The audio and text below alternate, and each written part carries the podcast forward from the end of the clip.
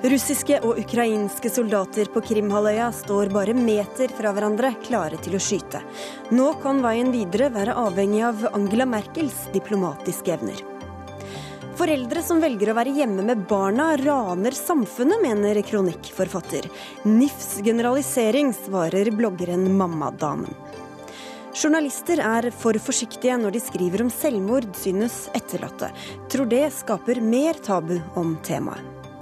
Og spis sunt og beveg deg mer, sier Helsedirektoratet igjen og igjen. Så hvorfor blir vi stadig tjukkere?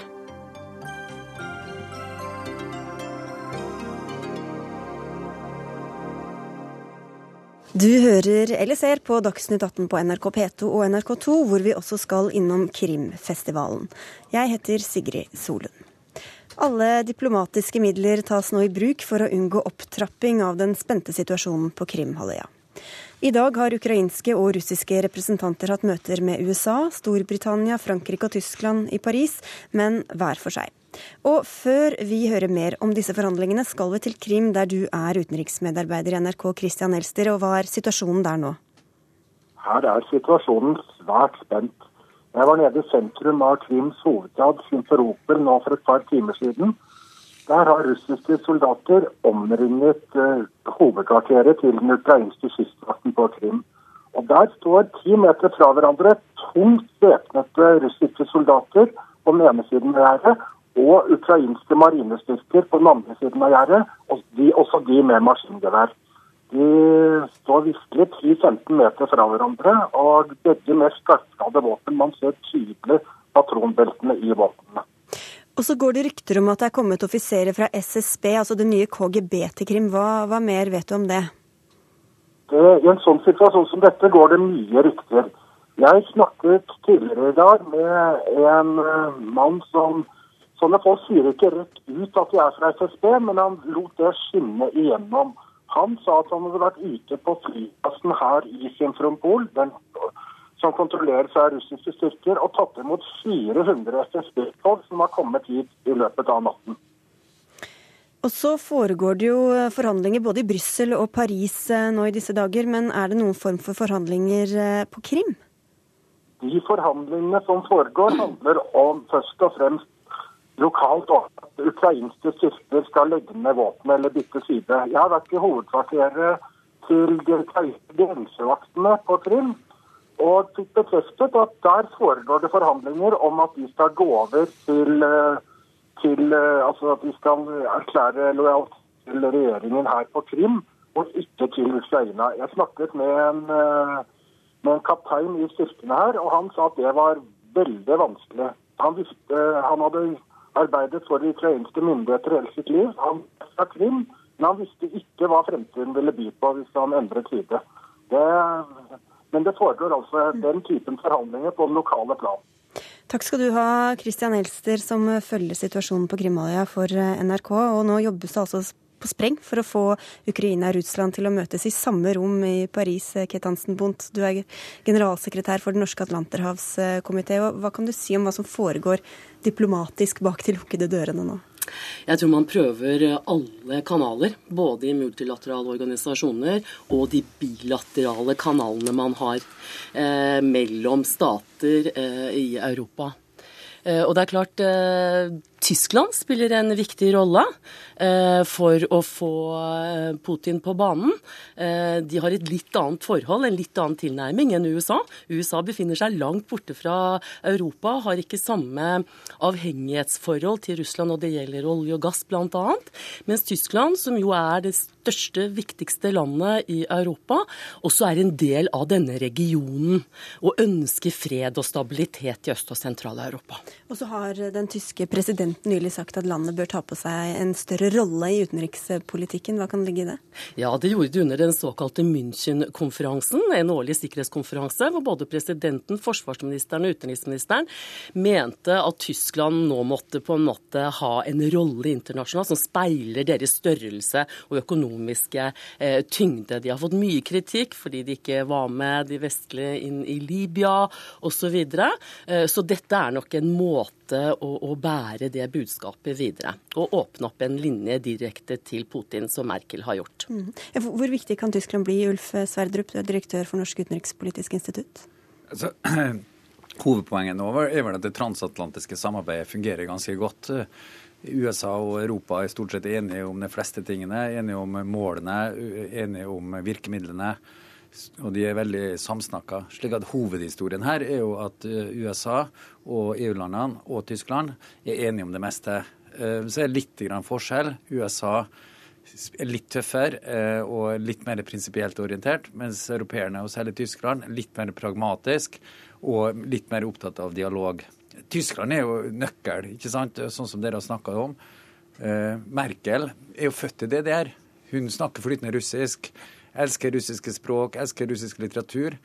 Uh, men uh, samtidig, i 1989, da, så når muren falt, så ble for Merkel så var det et øyeblikk av frihet. Putin var jo i DDR samtidig, for han var det en tragisk hendelse.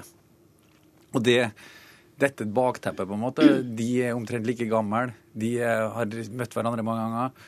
Og Merkel tror jeg ikke liker Putin, men hun klarer å kommunisere med han på en måte. Hun, mm. hun forakter den machostilen til Putin, men hun er en tøff dame selv. Men Hvor viktig er hennes eh, forhandlingsevner og henne som person, Angela Merkel, tror du, Hansen Bundt? Jeg tror den er viktig. for Merkel har vist seg som en dyktig kompromissmaker. Hun kom inn i europeisk politikk for fullt etter den gamle kansler Gerhard Schrøder, som var god kompis med Putin i 2005. Og da hadde EU store problemer. De hadde ikke fått budsjett de hadde en grunnlovstraktat som var nedstemt osv. Merkel klarte på en måte å få folk til å snakke med hverandre og skape et kompromiss, hvor hun fikk disse prosessene på banen igjen. Når det gjelder Putin, så tror jeg Merkel eh, hun kjenner autoritære, totalitære eh, ledere. Eh, og vet kanskje litt mer hvordan hun skal behandle dem. Og hun har jo ikke vært redd for å markere seg mot Russlands omgang med menneskerettigheter, forhold til journalister. Det har hun hele tiden talt imot. Men jeg tror det er én ting vi glemmer, og det er veldig viktig, og det er den økonomiske linken mellom Russland og Tyskland.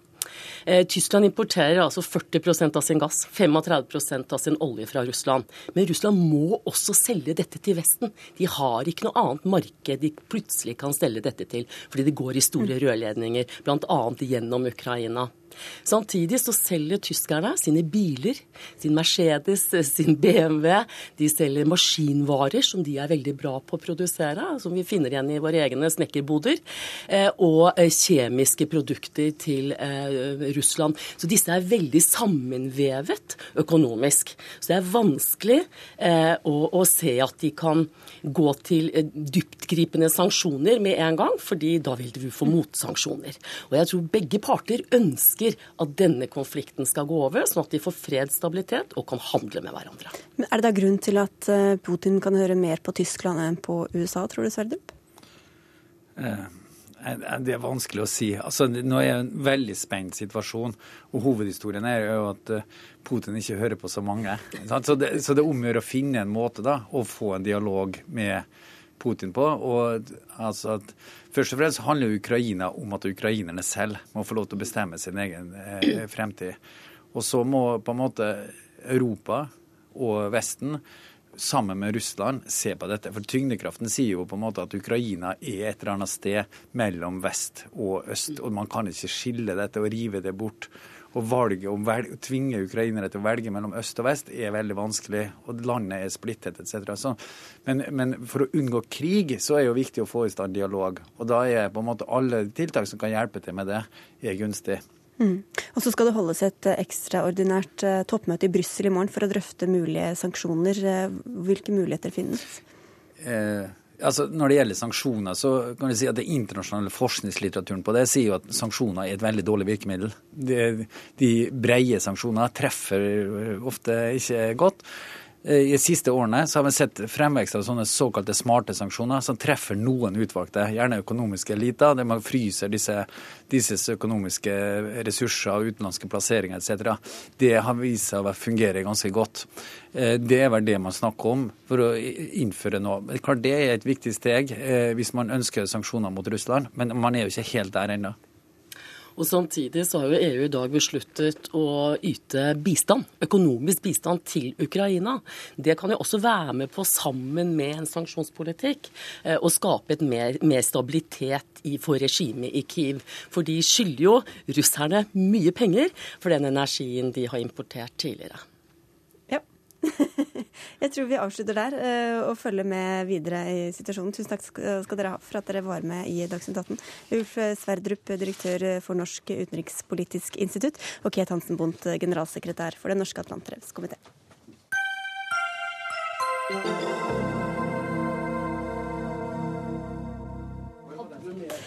Om noen minutter skal vi pirke bort i samvittigheten din for at du antagelig sitter for mye stille, men først til en annen sak som gjerne går på følelsene løs.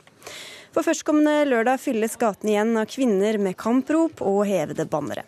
Og kvinnedagen den 8. mars preger også innholdet i avisene, som Dagsavisen i dag, der vi kan lese at det å mene at det er et valg å være hjemme med barn, er en fornærmelse og et ran. Og det er du som har skrevet dette, Eline Garmaker. Hva mener du med det? Ja, jeg er jo litt inspirert av den eh, forkleaksjonen som eh, vi leste om her eh, forrige uke. Som skal hedre de hjemmeværende kvinnene? Ja, det var jo for husmora og mot arbeidspresset. Og der var det en åpenbar motsetning, syns jeg. Fordi det valget er ikke et reelt valg, mener jeg. For det går i så fall på bekostning av andre. Eh, for i all den tid noen velger å bruke veldig mye tid hjemme, så er det mange flere som må bruke mye tid på jobb. Fordi det er jo et regnestykke som må gå opp. Norge har jo mange ting som koster penger, og som vi er veldig glad i. Og den balansen vi har i dag, er jeg skikkelig glad i. Og det er jo det at vi kan gå hjem fra jobb i firetida og se barna våre, eh, stort sett alle sammen. Og at vi kan være hjemme et år med barna når de er nyfødt, og i det hele tatt. Eh, hvis vi ikke får inn skattepenger til dette her, så vil det være vanskeligere for de som eh, velger å bli i arbeidslivet. Mm, så du tenker at andres valg går utover hvor mye tid du kan tilbringe med ditt barn? Ja. Mm. Eh, men hvilken verdi har det for samfunnet, da, at eh, noen velger å være hjemme med barn, syns du? Eh, det er jo veldig verdifullt å være hjemme med barn. Selvfølgelig i den forstand at barna er det viktigste vi har. Men jeg mener at vi samtidig må ha to tanker i hodet. At hvis vi skal gjøre det beste for barna våre, så skal vi også bygge et solid samfunn der hvor helsevesenet fungerer, hvor alle får skole. Det er ikke alle barn som har foreldre som fungerer like bra som vi vil. Og da er det supert at de eh, barna er godt ivaretatt med alt det vi har å tilby av skole, helse, måkede fortauer og til dels fylte bassenger innimellom. da må folk jobbe og skatte. Ja. Mm. Karianne Skogstad Gamkjen, du har bloggen Mammadamen og er i tillegg selvstendig næringsdrivende. Hva tenkte ja. du da du leste dette innlegget? Nei, jeg tenkte at uh, dette er uh, i beste fall et veldig enkelt og paradoksalt forsøk på ansvarsfraskrivelse. Uh, I verste fall så er det et eksempel på feminismens fordømmelse og generalisering av det individuelle valg.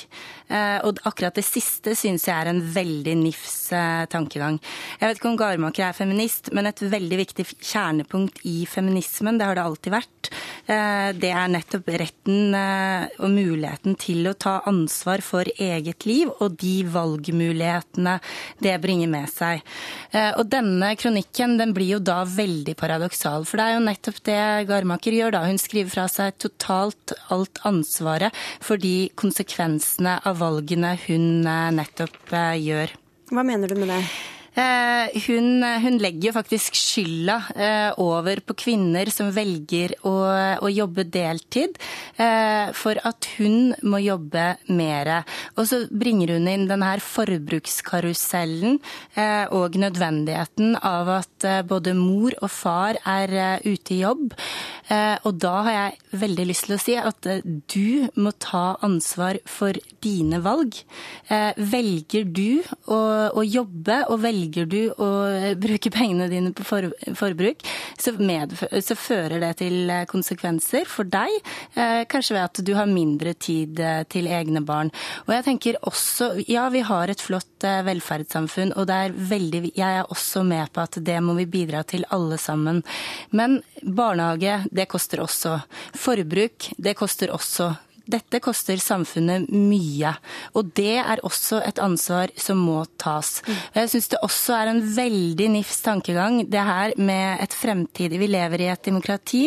Kritisere kvinner eh, som eh, som verdsetter og tar i bruk de mulighetene vi har i demokratiet vårt i dag, det, det, det er jeg ikke med på. For å ta tak i noe av det til Garemaker, altså Hvorfor ser du for at potten er liksom like stor uansett? Eh, både den offentlige og den private økonomipotten? Ja, nå er det jo sånn at eh, Vi er jo de menneskene vi er i dette landet. Og vi skal ha et regnestykke til å gå opp. Og det skal vi ha hver eneste dag. Eh, og eh, vi er eh, Jeg er staten. Eh, du er staten. Vi er staten hele gjengen. Og hvis ikke vi har et solidarisk ansvar for hverandre eh, til å passe på at dette fungerer, så er vi jo litt på gyngende grunn. Det er jo ikke sånn at eh, vi kan mele vår egen kake hele tiden. Da blir det plutselig ikke noe kake igjen. Jeg syns det er drøyt å si at jeg går løs på kvinner, for jeg er absolutt feminist, og jeg er veldig glad i kvinner. og likestillingen.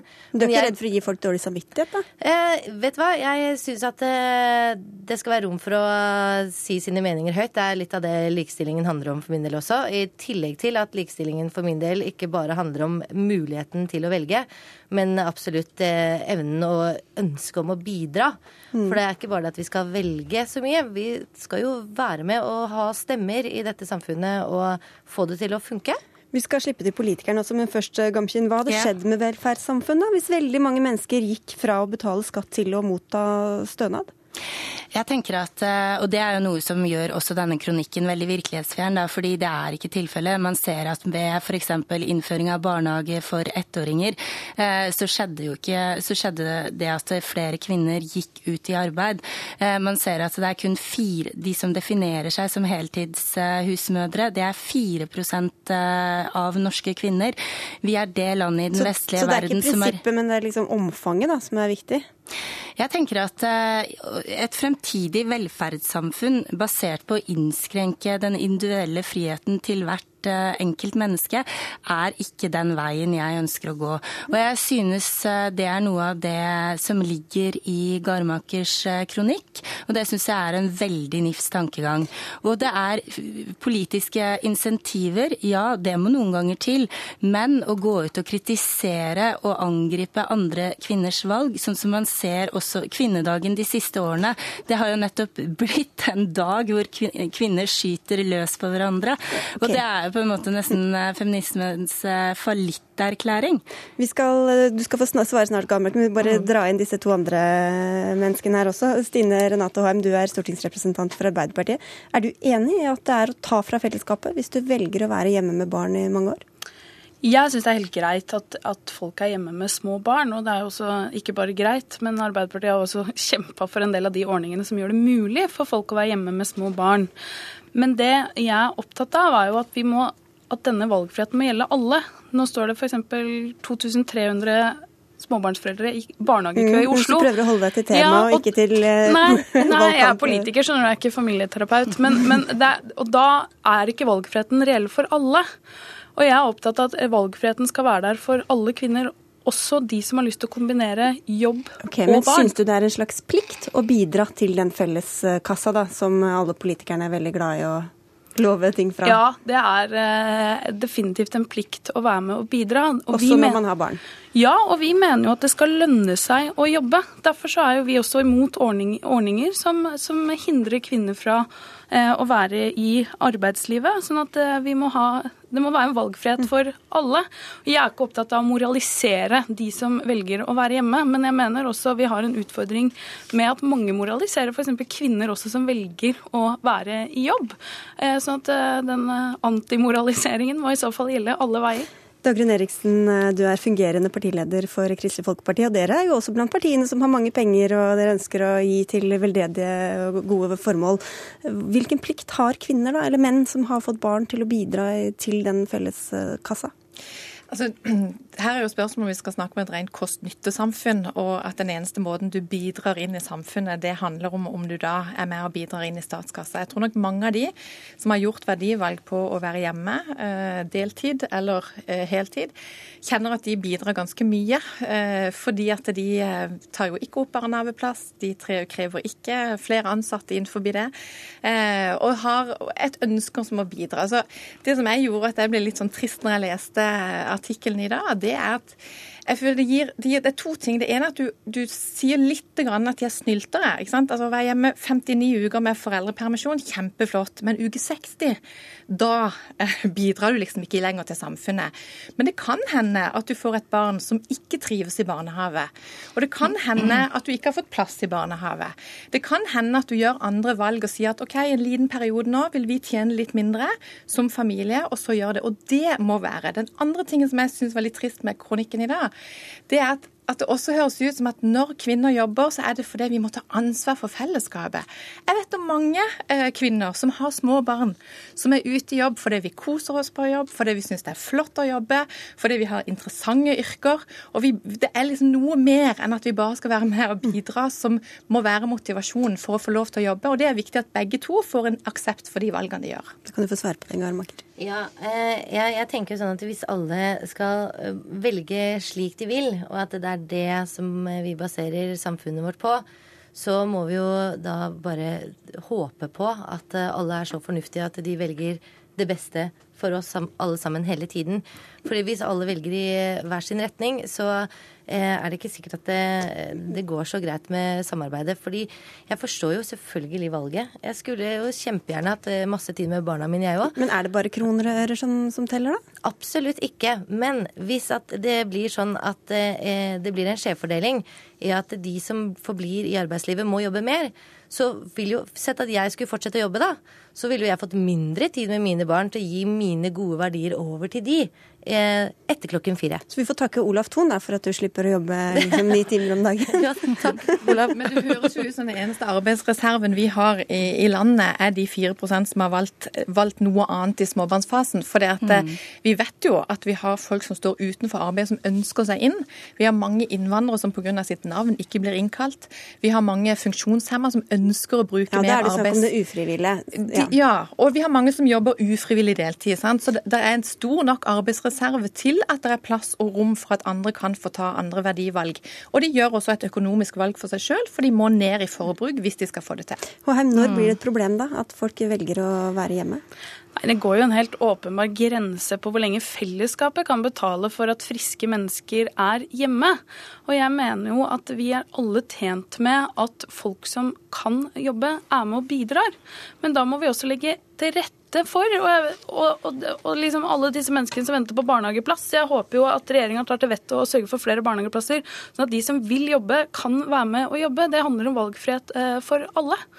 Eh, og jeg mener jo at alle Vi har en interesse av samfunnsborgere som ønsker å bidra. Det mm. mener jeg vi alle er tjent med. Vi skal få inn, slippe inn Gamkin, ja. du sitter, har litt ulempe ja. der du sitter. Ja, jeg tenker jo at, eh, jeg tenker jo at eh, i et demokrati så må vi også ha muligheten for at man velger å jobbe begrensa i perioder av livet. Sånn som Dagrun Eriksen var inne på, så kan det være veldig mange grunner til det. Det kan være at man må ta ekstra omsorg for både eldre og barn i familien. At man kanskje har en barnehage barnehage man ikke er fornøyd med, og velger å være hjemme i stedet. Eh, og eh, jeg syns at det er så utrolig trist, da, fordi hver eneste kvinnedag eh, så skjer dette samme om igjen og om igjen, og det er at kvinner skyter løs for hverandre og kritiserer hverandre for de valgene de gjør. Og det er en utrolig stigmatisering og generalisering av, av kvinners valg generelt, og spesielt så går dette utover de som da har valgt å jobbe deltid og tar kostnadene og konsekvensene konsekvensen ved det sjøl. Og det som er, er at de fleste av disse kvinnene de er fullstendig klar over hva konsekvensen av dette er, i form av mindre inntekt, i form av eh, kanskje mindre pensjon og osv. Og, det, og det kan også være at de f.eks. kanskje er det kvinner som har en Man vet jo at det ofte er lavtlønte kvinner som velger å jobbe deltid. Kanskje har de en ugunstig arbeidssituasjon som ikke gjør så lett å kombinere med familieliv. Eller kanskje de har en mann som tjener veldig mye. Er det da greit ja. at jeg er hjemme? For da betaler paret inn det samme ja, nei, ja. Altså, jeg jeg ja. syns jo at vi står for eh, hver vår kappe, egentlig. Og jeg syns jo nesten det er jo mer skummelt. Eh, at eh, hvem er det som er hjemme, da? Ikke sant? For det, det, er jo det der lilleregnskapet som skal gå opp òg. Det er jo ikke bare Norges budsjett som skal gå opp, det skal jo gå opp til hjemme òg. Og da tror jeg stort sett det er gutta som tjener ja. mest. Og, og grunnen til... De må avslutte veldig snart her, men OK, Gamskin, kom ja. igjen helt på slutt. Eh, og grunnen til det er jo nettopp eh, likelønn, da. Når far tjener mer enn det mor gjør, så velger jo selvfølgelig familien i fellesskap helst at mor skal være hjemme.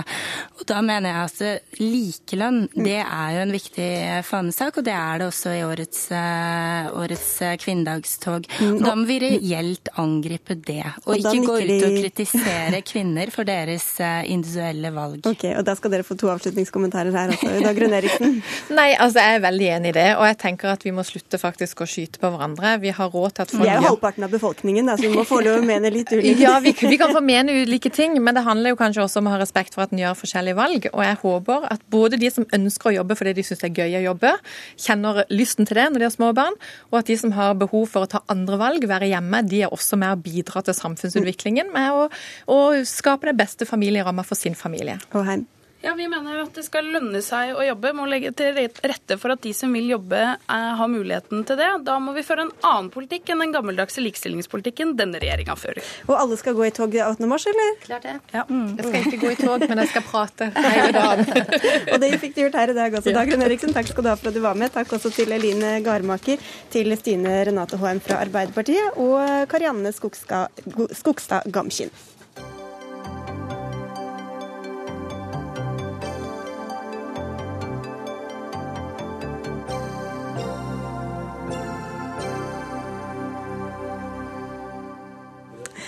Fra kvinnekamp til kamp mot stillesitting, sukker, salt og alkohol. For i dag har Helsedirektoratet offentliggjort kostholdsanbefalingene sine, og det er ikke oppløftende lesing for matmomser og sofagriser.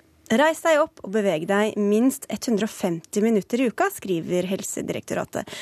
Og hvorfor eh, skal dere gå løs på stillesittingen for første gang, divisjonsdirektør Knut Inge Klepp?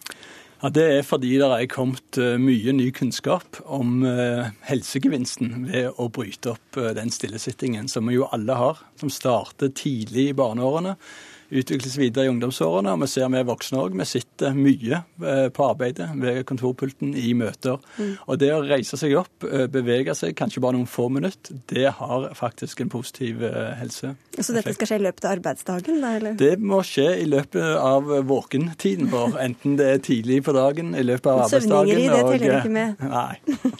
Jeg skal få lov å sove. For dere skriver at det går ikke an å veie opp for all denne stillesittingen gjennom litt sånn intensiv trening trening to eller tre ganger i uka? Hvorfor? Nei, altså Det å være eh, fysisk aktiv og da moderat aktiv som du sier, inntil 150 minutter i uken, det er viktig. Og Det, betyr, det er jo rask ganger, sånn at det blir litt andpusten. Eh, det er veldig godt. Men i tillegg til det så ser en at en kan gjerne bli sittende i fem-seks timer, og det gjør noe rent fysiologisk. Sant? Det å bare reise seg opp, få blodsystemet i gang, det er faktisk viktig. Det er viktigere å liksom være litt på tå hele tiden enn å ta de intensive Ja, og man sitter i en time, men eh, bare da i løpet av etter en halvtime mm. reiser seg, strekker seg litt på, springer bort til nærmeste trapp, tar den opp og ned, tilbake igjen. Det er sikkert store forskjeller også i befolkningen på hvor mye folk eh, trener. Hvis du leser Dagens Næringsliv, får du inntrykk av at man ikke gjør annet. Men når blir det for mye? Ja, altså Utfordringen er jo at det kun er om lag én av fem som uh, møter anbefalingene. sånn at det store flertallet av oss bør være mer aktive enn det en er i dag. Uh, og så kan en nok være veldig mye mer aktiv enn det vi er. Og en kan jo se på uh, toppidrettsutøvere. De tåler jo veldig store belastninger. Eh, men de gjør det jo ikke for helsa si, sånn at det er jo ikke der vi skal. Det er ikke det eh, vi anbefaler. Eh, men en kan være veldig mye mer aktiv, og jeg tror nok at en merker dersom det blir for mye. Og det er jo kanskje spesielt slitasjeskader dersom det blir for monotont og for lite variert aktiviteten driver med, som er helseutfordringen der. Mm.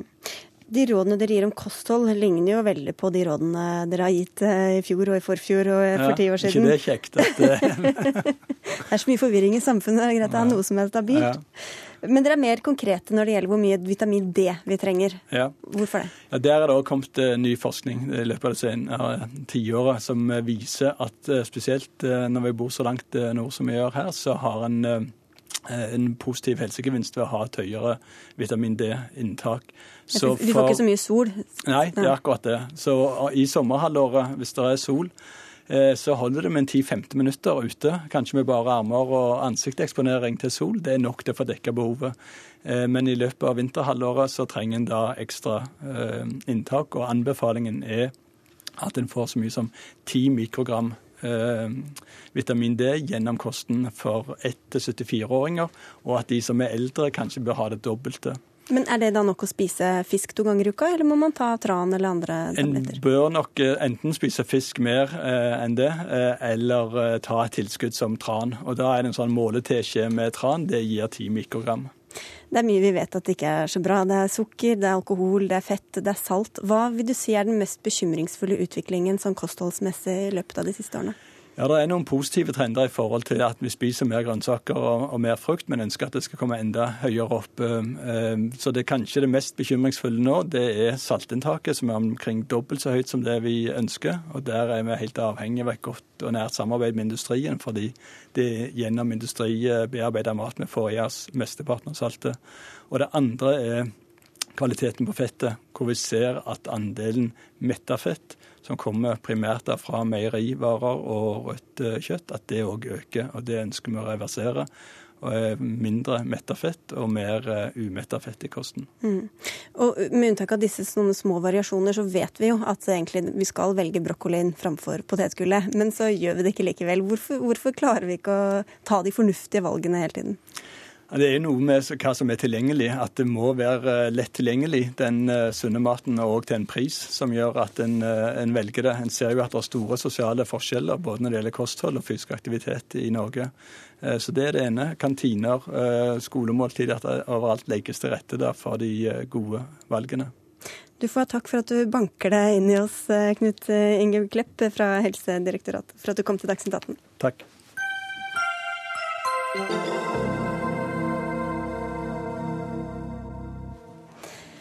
Snart spør vi om Høyesterett i dag har innskrenket norsk ytringsfrihet, men først til noen som kan ljuge med god samvittighet. I fjor ble det gitt ut 45 norske kriminalromaner, bare tre av dem var skrevet av kvinner. Og når krimfestivalen begynner i Oslo i morgen, møtes såkalte dødstrømper til debatt, og forleggerne håper å få tips til hvordan de kan lokke flere kvinner inn i drap og mysterier. Jorunn Tørring, du er lege og krimforfatter, og klokka åtte i dag tidlig satte du siste punktum for din femte kriminalroman. Var det Butleren, eller? Om det var? Butleren? du, det kan jeg ikke fortelle deg. Hvilken følelse sitter du med nå? Nei, eh, jeg har fått en kopp god kaffe her, så jeg sitter bare og venter på hvilke spørsmål du skal stille meg. Oh, ja, okay. Jeg tenkte mer sånn bokmessig, ja, men, men eh, lagt kan, kan nok ikke si så mye om det nå, vi får se. Det vil vise seg om en måned eller to om det her blir bra. Men du er altså en av få kvinner som skriver krim. Hvorfor gikk du inn i denne sjangeren? Nei, altså det For meg er det en Krim er underholdning. Og jeg skriver krim både for eh, å underholde andre, og ikke minst for å underholde meg sjøl. Jeg syns det er en morsom, en morsom sjanger. Knut Gørvel, du er sjef for eh, Krimfestivalen og forlegger i Cappelen Dam. Hva syns du om at det er så få kvinner blant eh, kriminalforfatterne? Ja, det er jo trist, men det er jo ganske vanlig. da. Det er dessverre sånn at kvinner er kulturkonsumenter. Men det er svært dominerende at det er mannlige forfattere som skriver skjønnlitteratur. Og da, akkurat i fjor, var det jo ekstremt stor andel på krimmen her i Norge. Men det er større forskjell på krim enn på dramatikk? Ja, det er omtrent det samme. Nå var det altså, I fjor var det jo bare 8 eh, norske kvinnelige krimforfattere, og det er jo altfor lite. Eh, og hva det skyldes, det, det er jo ikke så lett å si, men det kan jo ha noe med at eh, vi menn, i hvert fall i, i godt voksen alder, har et overdrevet selvbilde og hatt det i mange år, og at kvinner har vært litt forsiktige. Så kan vi jo håpe da at uh, Idol-generasjonens uh, yngre kvinner nå begynner å få et selvbilde som menn, og kanskje da begynner å skrive krim. For alle som hører på, så kan vi røpe at det var deg han nikket mot forfatter Gunnar Staalesen da han nevnte selvbildet. Jeg vet ikke om du føler deg truffet? Nei, han får snakke for seg sjøl der. Men hva tror du da om den lave tallet blant kvinner? Ja, altså, noe klassisk sett så finnes det jo veldig mange dominerende kvinnelige krimforfattere. Agatha Christie er jo det største krimnavnet gjennom tidene. Dorothy Sayers, PD James innen engelsk krim. Og også i Norge så har vi jo noen veldig flotte kvinnelige krimforfattere. Une Lindell, Anne Holt og ikke minst Karin Fossum, som jeg syns er kanskje den aller beste og er helt på nivå med de beste skjønn skjønnlitterære forfatterne. Hun er jo også da hovedforfatter på denne festivalen. Så jeg syns ikke bildet er så, så eh, veldig eh, dårlig som det virket i fjor, da. Tøring, hva tror du? Hvorfor har du så få kvinnelige krimkolleger? Nei, jeg tror ikke man skal diskutere om det er noe med kvinnene. Jeg tror kanskje den diskusjonen vi har hatt i en del år nå om eh, sjangeren i seg sjøl, altså utviklinga innen krimsjangeren, om det kan være en grunn til at færre kvinner skriver. Altså Man har sett at det er blitt eh, råere, det er blitt mer bestialsk. altså Man har en, en mer voldelig utvikling i, i, en stor del av den krimlitteraturen som skrives. Og det kan jo være at kvinner som har et litterært talent, gjør andre valg enn å skrive krim. Mm. Gørvel, tror du det er en løsning, eller en forklaring? Det kan det være. Det, det er klart at eh, i hvert fall så har mange av krimmene blitt mer grusomme. Og det er jo en trend som eh, jeg vet ikke helt hva det skyldes heller, men jeg tror jo at eh, kvinnelige og mannlige lesere vil ha kvinnelige forfattere. Og jeg er jo veldig enig med Gunnar Staalesen i at eh, vi har veldig mange gode, så det, det er ingenting som tilsier at ikke de skal lykkes fremover. Man, skal, man skal ikke lenger enn over til grensen til Sverige, så er det også veldig mange kvinnelige krimforfattere. Så jeg tror det er litt mer tilfeldigheter fra periode til periode. Plutselig så dukker det opp en flom med gode, unge norske krimforfattere. Og, og det er faktisk mange veldig kvinnelige unge forfattere på vei nå. Og på krimfestivalen så har vi jo 35% kvinnelige krimforfattere. Så vi trår til for at Men det, eh, det, er fordi at dere skal altså, ta, der, ta dette opp. Eh, det nevnte Unni Lindell. Det er en, en av programpostene. Og så mm. har vi, som Gunnar sa, et spesielt fokus på Karin Fossum, hvor både da nord, andre nordiske landsforfattere og Gunnar Staalesen og flere skal snakke om hennes forfatterskap spesielt. Det er jo veldig mange kvinner innen såkalt kiosklitteratur, men du hører kanskje ikke så mange menn som liksom krever innpass i denne sjangeren? Du, jeg jobber med det også. Det fins eh, noen av dem eh, der også, og noen av dem som skriver under pseudonym som kvinner. Hva tror du det er å si for sjangeren, Staalesen? Du er jo ikke blant de råeste Neida. krimforfatterne. Nei. Nei, altså jeg eh, tar selv avstand fra den veldig eh, brutale krimmen som eh, man ser kommer spesielt kanskje fra amerikanske forfattere, og har smittet litt over på noen norske kolleger også. Jeg liker ikke lik som blir flådd og amputasjoner og det som skjer i de verste av disse historiene. Jeg vil ha mer en psykologisk type krim, og forsvarer jo da sosionomholdningen i norsk krimlitteratur. Men du har, du har jo en kjent krimhelt som har gått til filmen, og i morgen så skal du også til teaterscenen. Da er det premiere på stykket 'Døden går til scenen'. Død og drap det er jo ofte ingredienser også i andre, annen type litteratur. Hva er det som skiller krim? Altså Når blir en krim en krim? Nei, Det som gjør en krim til en krim, er jo mysteriet. Det er Hvem er det som har begått drapet? Eh, og eh, i eh, tidlig krim så var det ikke så mange drap, egentlig. Da var det tyveri. Veldig verdifulle gjenstander, edelstener som ble stjålet. Det var det Sherlock Holmes stort sett løste mysteriet rundt. Men i våre dager så må man ha forsterket det litt, og i de aller fleste krimbøkene så skjer det jo to eller tre drap. Men jeg har hatt et lite eksperiment nå. Den forrige boken min var det bare ett drap, og i den jeg holder på med nå, vet jeg ikke om det blir noen i det hele tatt. Oi, oi. Tørring, hvordan er det hos deg? Nei, altså Det viktige i en krim for meg, det er en god historie. Altså Det er ikke dette at du må ha flest mulig drap, men at det, det skal være Det skal holde mål skjønnlitterært, det skal være spennende, det skal være godt språk. Altså En, en krim skal for meg være akkurat like bra som enhver annen eh, skjønnlitterær bok. Og det er vel også en del forfattere som har tatt mye fra krimmen inn i annen skjønnlitteratur når det gjelder oppbygging og spenning og utviklingen i bøkene? Ja, og alle store forfattere fra, fra Bibelen og fremover, via Shakespeare og Dostojevskij, har jo brukt både mord og kjærlighet i dette lille krimkomedien som jeg har skrevet som presenteres her i morgen, der begynner vi jo med Hamlet av Shakespeare. og Det er jo et av de store krimdramaene i verdenslitteraturen. Men hvorfor trenger dere en egen festival da, for krimmen, som tross alt er den som, som selger mest i Norge? Det er naturlig å gjøre noe for litteraturen hele året, og eh, her i Norge så spesielt så har vi jo påskekrim. Det er et mer særnorsk fenomen, og da var det jo veldig naturlig å få fokus på krim i denne perioden. Og så er det jo en gullalder for norsk og nordisk krimlitteratur, og da ønsket vi å fremme den. Mm. Og så er jo krim en sjanger. altså Det er en type litteratur som skiller seg litt fra kan vi si, de store litteraturfestivalene på Lillehammer, i Stavanger og andre steder. Der er jo hele bredden i norsk skjønnlitteratur til stede. Men her er det konsentrert om én sjanger, nemlig krim. Så nå kan dere dykke ned i blod og gørr? Ja, og i underfundige kommentarer. Og... Vi har kalt det blodbad istedenfor bokbad, da. Dere får ønske alle velkommen, og tusen takk for at eh, dere kom hit til eh, Dagsnytt 18, forfatter eh, Gunnar Staalesen, og forfatter Jorunn Tøring, og forlegger og sjef for Krimfestivalen, Knut Gørvel.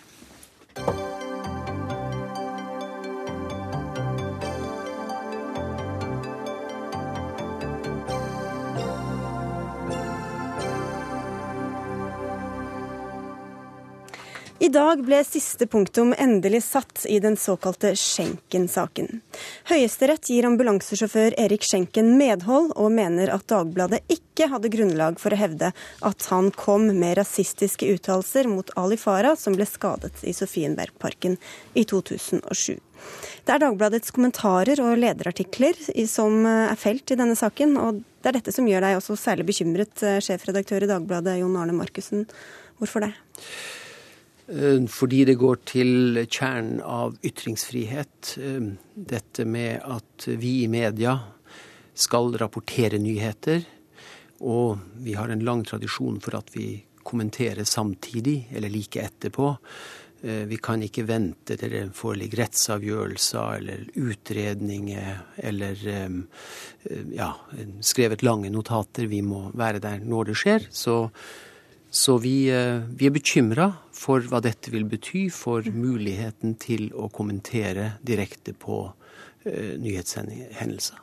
Hva er det dere skrev som du mente var innafor, men som altså retten har sagt at dere ikke skulle ha skrevet? Um, du kan si det at um, retten har for det første klarert at vår faktaframstilling av saken, den er i all hovedsak grei. Den på reportasjeplass? Også, ja, på altså. reportasjeplass. Har, eh, retten har også på en måte sagt at det er OK at vi videreformidler synspunkter til andre, også om rasistisk motivasjon. Men vi er felt fordi at Eh, flertallet i retten eh, mener at vi er for konkluderende med hensyn til rasistisk motivasjon i to kommentarartikler og en lederartikkel. Mm.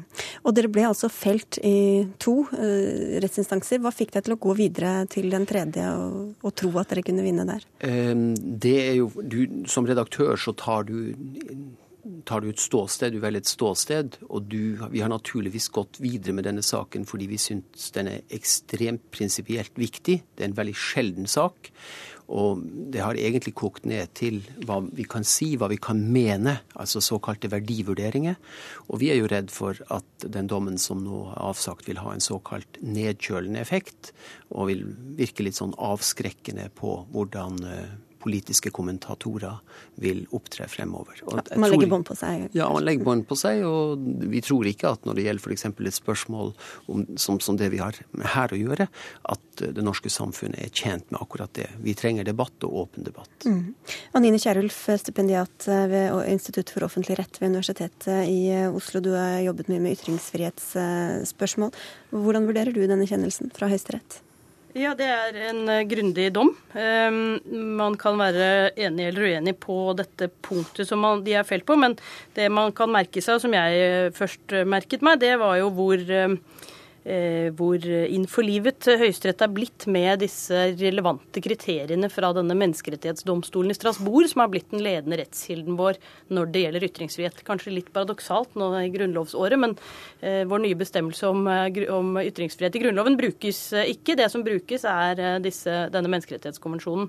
Og her syns jeg først førstvoterende gjør en god jobb i å gå igjennom de relevante momentene og vurdere dem. Så kommer det til Og det er, mange, det er mange av anførslene som, eh, som blir forkastet, Eh, rett og slett pga. denne rettskildebruken. Uh, hva, hva, betyr det?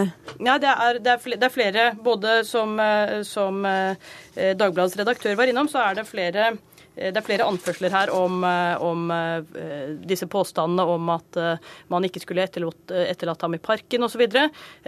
Om videreformidling av andres påstander om rasistisk motivasjon. Mye som avisen er frifunnet for. Det eneste den er dømt for, det er å ha gjort denne beskyldningen, som Høyesterett ser det som, om rasistisk motivasjon til sin egen.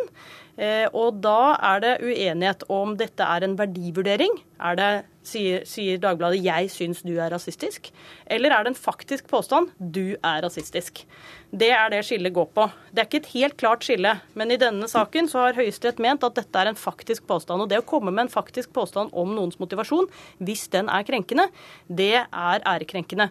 Eh, hvis jeg sier at eh, han liker å bade med barna sine i badekaret fordi han er en barnekjær person, Eh, så er det helt ufarlig. Hvis jeg sier at han liker å bade i badekaret med barna sine fordi han er pedofil, så er det veldig farlig. Og den type påstander om noens motivasjon kan åpenbart være krenkende, og det er det Høyesterett har kommet frem til her. Mm.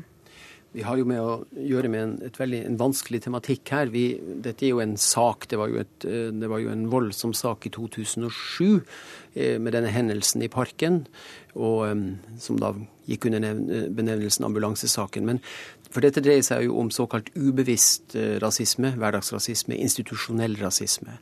Og det jeg sitter og føler på i dag, er at Høyesterett sier at jeg må på en måte bevise at det var rasisme, før at jeg kan omtale dette som skjult rasisme. Eh, og det et, eh, de stiller egentlig et umulig krav til meg i, eh, eh, når, vi skal kommentere det som hendte der. Ja, jeg vet ikke, Syns du dommen var riktig, Kjærulf? Ja, jeg mener den er riktig på dette punktet. Samtidig så er det et helt reelt problem som tas opp her, for det kan ikke bevises. Motivasjon kan ikke bevises. Samtidig så altså, Forsett kan heller ikke bevises. Den type bevisførsel fungerer retten hele tiden. Men det som er et problem med denne dommen, tenker jeg, det er mindre et problem for pressen og de som evner å formulere seg og skjønne forskjellen mellom å si at jeg mener at noe, eller at det faktisk er sånn. Mm. For her kunne pressen sagt dette kan ha vært rasismens stygge og ubarmhjertige konsekvens, mm. og dermed hadde de vært reddet. For da hadde det vært en verdivurdering og ikke en faktisk påstand. Pressen er i stand til å skjønne dette og bedre seg etter denne dommen og gjøre det og fortsette sine viktige kommentarer.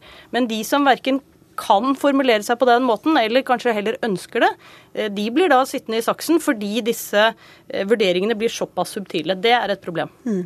Markusen, når du ser i etterkant, hadde det spilt en rolle om, eh, om dere hadde formulert dere på den måten som Kjerulf skisserer? Jo, det er klart, det hadde jo antagelig. Alle hadde jo vært lykkelige om vi ikke formulerte oss i det hele tatt, men lot være å kommentere det. Så men er det, det, må det, være det ene eller det andre? Det er jo snakk om en skala her og om, om, hva du kan tillate eller ikke kan tillate. Og jeg må jo minne Anine på at uh, i denne dommen så er det en dissens, en uh, ganske lang og omfattende dissens, som jo egentlig har det, inntar det standpunkt som jeg har, om at i avveiningen mellom pressefrihetsholdninga mi og dette med æresvernet det, der, der, må pressefriheten men, men, hvorfor skal dere ha frihet, eller hvem som helst da, ha frihet til å si at du gjorde det pga. det? Å gå inn i en annen persons hode og si at sånn, det var det du tenkte, enten det er Nei, riktig det, eller galt? Det er, helt, eh, det er helt uriktig at vi gjorde det. Vi bedrev systemkritikk. Vi identifiserte ikke, mener vi, Erik Schenken. Vi skrev om to uniformerte ambulansefolk som kom i et i et merket kjøretøy. De kom på vegne av en institusjon, og de var der for å skulle være til hjelp i en nødsituasjon. Og så gikk et eller annet gærent. Så vi har ikke For oss er dette systemkritikk ikke en sak mellom skjenken og oss. Mm. Men det var ikke sånn han opplevde det, da? Men... Nei, og øh, hvordan han opplevde det er for så vidt ikke tema for retten. Det retten tar stilling til, det er hvordan denne ytringen Eh, mest rimelige er å fortolke. Og De har gjort en ganske grundig jobb med den tolkingen, men man kan være uenig i den. Det er jeg helt enig i. Og det viser jo også den eh, dissensen, som jeg er helt enig i. Den den er svært grundig og omfattende, og den tar opp en del andre sider av det som også er relevant i denne tematikken. For vi må ikke glemme at grunnen til at dette har gått så hardt utover skjenken, det er selvfølgelig Dagbladet har bidratt, men det er jo det totale trykket. Eh, og så er det klart at Du kan ikke pålegge folk å gå til sak mot alle som har utført det trykket. Eh, du må kunne velge eventuelt å hoppe over gjerdet der hvor det er lavest, eh, for å statuere et eksempel, eller iallfall ta, det, ta det der hvor du kan ta det. Men samtidig så er det jo her en situasjon som er mye større enn Dagbladets dekning, som gir grunnlag for hele den forståelsessituasjonen som dette må tolkes i lys av. Mm. Markusen, du sa du frykter at folk vil legge bånd på seg, men hvilke konsekvenser tror du det vil få for dere i Dagbladet? Ehm, jeg tror ikke det bare vil få konsekvenser for oss, jeg tror den blir lest av ehm, alle som driver med media og i media. Og eh, ikke minst eh, ser man jo kostnadene ved å ta en slik fight i retten på noe du mener er, er viktig, prinsipielt viktig. Ehm, jeg er litt redd for, dessverre, at man kan få en slags forsiktighet inn i debatten om disse viktige spørsmål, som jeg ikke tror at vi som samfunn er særlig tjent med. Hvis det er noe vi må bruke tid å diskutere, så er det skjult og ubevisst rasisme. Men vil du be kommentatorene dine om å være litt mer forsiktige? Det vi skal gjøre, er at vi naturligvis Man skal være ydmyk for at man er domfelt. Og vi skal naturligvis studere dommen nøye, gå gjennom den, vurdere den. Eh, og hvordan vi utfører håndverket vårt, det er under konstant evaluering. Mm. Og det var ikke pressen du fryktet for, men for andre der ute som, eh, som kan tenkes å ville bidra i debatten, Kjerulf? Det, eh, jeg jeg syns som sagt at dette er en god og grundig dom. Det som er et problem, er at denne jussen er blitt så kompleks og så komplisert at uh, hvis man leser dette, jeg vil si selv som jurist, så virker det såpass komplisert å uttale seg om en del saker, og kanskje særlig om rasisme i samfunnet i dag. Eh, at det kan nok legge en demper på hvordan folk uttrykker seg i debatten, som ikke nødvendigvis er heldig for debatten. Mm. Bare for å ha sagt det, så har vi også invitert Schenkens advokat, men han uh, takket nei. Tusen takk skal dere ha for at dere kom til Dagsnytt 18 i dag. Anine Kierulf, stipendiat ved Institutt for offentlig rett og sjefredaktør i Dagbladet, Jon Arne Markussen.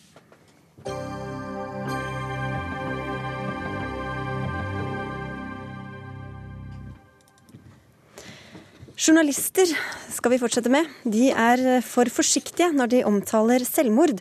Det skriver styrelederen for Landsforeningen for etterlatte ved selvmord, Leve, i en kronikk på nrk.nos debattsider Ytring. Og Henning Herrestad fra Leve, du ber journalister være litt mindre forsiktige. Hvorfor det? Jeg ber dem ikke være mindre forsiktige, jeg ber dem være forsiktige, men skrive mer om selvmord.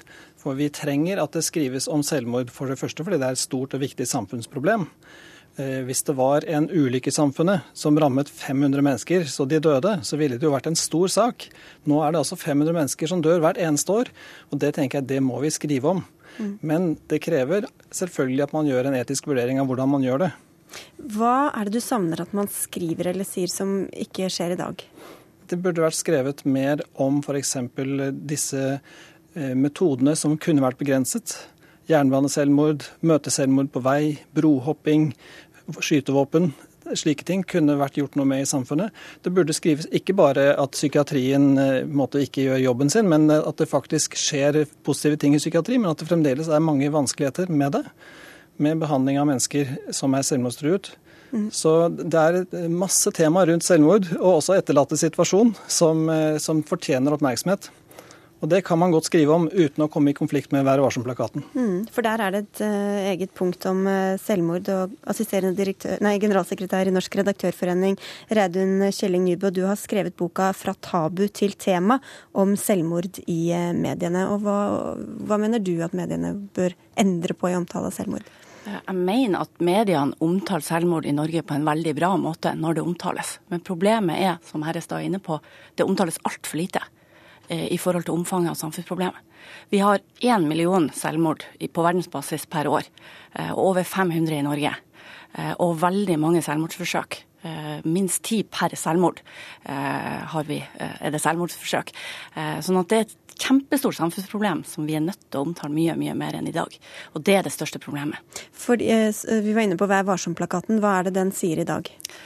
Den sier at, at vi skal være forsiktige når det gjelder metode, og omtale metode. Men, men Jeg har ja, ordlyden her. Nei da, men det går i hvert fall på at man sier som regel ikke om vedkommende har, hvordan vedkommende har tatt, tatt livet av seg. Altså, Vi skal være varsomme når det gjelder selvmord og selvmordsforsøk. Før så var det jo en hovedregel om at vi ikke skulle omtale selvmord. Eh, sånn at Det ble endra i 2006 eh, og åpna mer opp. Eh, men så, men så, sier vi noe om at vi skal unngå omtale som ikke er nødvendig for å oppfylle allmenne informasjonsbehov, og unngå beskrivelser av metode eller andre forhold som kan bidra til å utløse flere selvmord. Det betyr ikke at det alltid er feil å omtale metode, men vi skal være forsiktige med det. Og det er derfor det står spesielt nevnt. Ja, for Det man da er engstelig for, er jo denne smitteeffekten. At andre kan, kan begå selvmord på samme måte. Det er jo grunn til det, fordi det er gjort eh, veldig mange forskningsprosjekter som har vist at det faktisk er en fare for imitasjon. At det er mennesker som følger oppskrifter på hvordan man tar livet sitt, eller som eh, blir inspirert, eh, kan du si. At de vil de ser opp til noen som gjør det, at det blir omtalt f.eks. som en heltegjerning, og så er det andre som gjør det samme. Så Derfor er det ikke sånn at det er noe absolutt forbud mot å skrive om metoder, men det er å vurdere hvordan er det man skriver om ting. Skriver man om ting slik at det kan vekke andre til å følge etter og gjøre det samme, eller skriver man om det for å problematisere hvordan, dette, altså hvordan, man håndterer dette i samfunnet. Mm. Og En ting som du var inne på i stad, er det åpenbare dersom man kan ta opp eh, ting, problemer som kan virke forebyggende, at færre skal forsøke å, å, begå selvmord. Men hva tror du det kan ha å si for de som er etterlatte etter noen som har tatt sitt eget liv, dersom det skrives og gjøres mer vanlig, på en måte? da? Ja, altså det er jo sånn at uh, man snakker om at selvmord er tabu i samfunnet. At det er skam forbundet med det. Og det er det nok i dag, selv om det skrives mye om det, og det er veldig mye fiksjon som handler om selvmord, så er det fremdeles sånn at det er mange etterlatte som opplever seg å bli isolert, og at, en, eh, at, de får tanker om hvordan andre tenker om dem og deres familie siden dette har skjedd. Og Der er det noe med at det å alminneliggjøre det og skrive om det, gjør det til mer noe som kan ramme altså Det kan jo faktisk ramme hvem som helst i samfunnet. Det er ikke bare noen mennesker i samfunnet som er utsatt for dette. Både rike og fattige, i alle sosiale lag så skjer selvmord. og det gjør det mindre skambelagt. Man vet det at det er ikke noe galt med oss i familien. Mm. Men et, drap blir jo som regel omtalt enten i smått eller stort, men bør det samme skje med, med selvmord? Altså Altså, De fleste enkeltselvmord eh, er på samme måte som de fleste dødsfall er, tilhører privatsfæren til folk. Men så har du noen selvmord som, som, som eh, omfatter eh, si, Eh, som, som allmennheten bør ha krav på å få vite mer om. Eh, Hvilke tilfeller kan det være? Nei, Det kan f.eks. være et selvmord som får store samfunnsmessige konsekvenser. F.eks. For, for, for eh, drøyt 20 år siden så tok sønnen til Gro Harlem Brundtland, som da var statsminister, livet sitt. Det ble jo ikke omtalt da. Hadde noe sånt skjedd, skjedd i dag, så ville det blitt omtalt. Mm. Eh, Gro trakk seg som partileder eh, ganske kjapt etter det dødsfallet. Eh, og, og, det er klart det fikk store politiske konsekvenser, men det ble ikke omtalt, for det var så tabubelagt. Altså, vi har jo sett at det har blitt ei utvikling i, i rett retning. Hvilken praksis har norske journalister kontra journalister i andre land? Norske journalister er forsiktige. Vi ser veldig få overtramp eh, i norske medier. De, de verste eksemplene jeg har sett på, på selvmordsomtale, er i, i eh, fjerne Østen, Hongkong, Taiwan, der jeg har sett rene oppskrifter på selvmord. Eh, nesten liksom metodebeskrivelser med bilder. Altså, sånn, sånn gjør du det. Sånn vil vi aldri ha sett i norske medier. Herrestad, det er ikke ofte norske journalister blir beskyldt for å være for forsiktige eller slå for lite opp. Eh, hvordan tror du lesere, og seere og lyttere ville reagert hvis det ble mer om, om det temaet? Jeg vet ikke, Det står jo om dødsfall, om drap og slike saker hver dag i mediene, så jeg tror ikke det at det står mer om selvmord skaper mer eh, reaksjoner i samfunnet. Det er noe med at dette er en del av vårt samfunn, som mange andre ting som er problemer i samfunnet. Så det tror jeg går helt bra. Og det vil også kanskje bidra til å eh, drepe noen av mytene som dere begge er opptatt av? Eh. Ja, det er veldig mange myter knytta til selvmord. F.eks. dette om at de som snakker om selvmord, ikke gjør det. Eh, eller at det er farlig å snakke om selvmord. Eller at hvis, hvis du eh, har bestemt deg for å ta livet ditt, så kommer du til å gjøre det uansett. Det vet vi jo at, at er det et hinder der og da, f.eks. på ei bru, eh, så, så kan det forebygge selvmord. Og der kan media spille en viktig rolle. Du bare nikker. Mm. Ja, det er jeg helt enig i. Media har en viktig oppgave. Mm. Vi, men er det aktuelt med noen ny eh, Vær varsom-endring, da? Ikke, ikke, i denne omgang, men jeg tror at det viktigste er at vi har en debatt om det. Og at vi Kanskje, kanskje har vi trodd at, at, dette har vært bedre kjent ute blant norske redaktører og journalister enn det, enn det, det har. Eh, det er jo laga en veileder eh, på, på, oppdrag fra Presseforbundet som, som, jeg tror kanskje er litt for lite kjent. Eh, Verdens helseorganisasjon har laga råd til journalister. Jeg tror heller ikke de er så godt kjent. Så der har vi nok en, en oppgave, både fagfolkene og, og vi i presseorganisasjonene, til å spre det her. Vi får si det var et lite skritt på veien i dag. Tusen takk skal dere ha. Takk. takk for at dere kom til Dagsnytt 18. Reidun Kjelling Nybø fra Norsk redaktørforening og Henning Herrestad fra Leve. For denne Dagsnytt 18-sendingen er over. Dag Dørum var ansvarlig for innholdet. Finn Lie var ansvarlig for teknikken, og i studio satt Sigrid Solund.